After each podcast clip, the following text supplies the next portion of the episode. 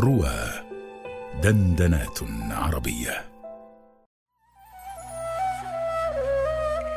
عطائيات مع طه الصوري على رواه.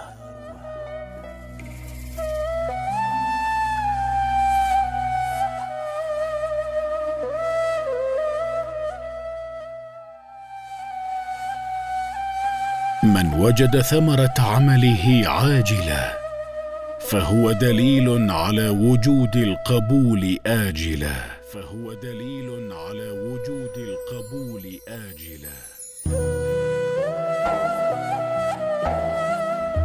يعني أن من وجد ثمرة عمله الصالح عاجلا من استئناس مكاشفات وحلاوة مناجات كما يشير إلى ذلك قوله صلى الله عليه وسلم وجعلت قرة عيني في الصلاة فهو دليل على وجود القبول آجلا.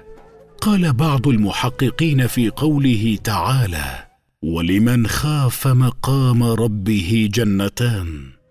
جنة معجلة وهي حلاوة الطاعات ولذاذة المناجات والاستئناس بفنون المكاشفات وجنة مؤجلة وهي فنون المثوبات وعلو الدرجات.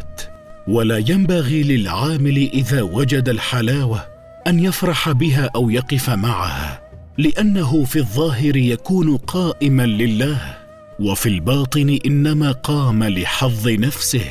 بل لا ينبغي أن يكون عمله لنيلها لما فيها من اللذة والحظ وذلك يقدح في إخلاص عبادته وصدق إرادته وليكن اعتناؤه بحصولها لتكون ميزانا لأعماله ومحكا لأحواله.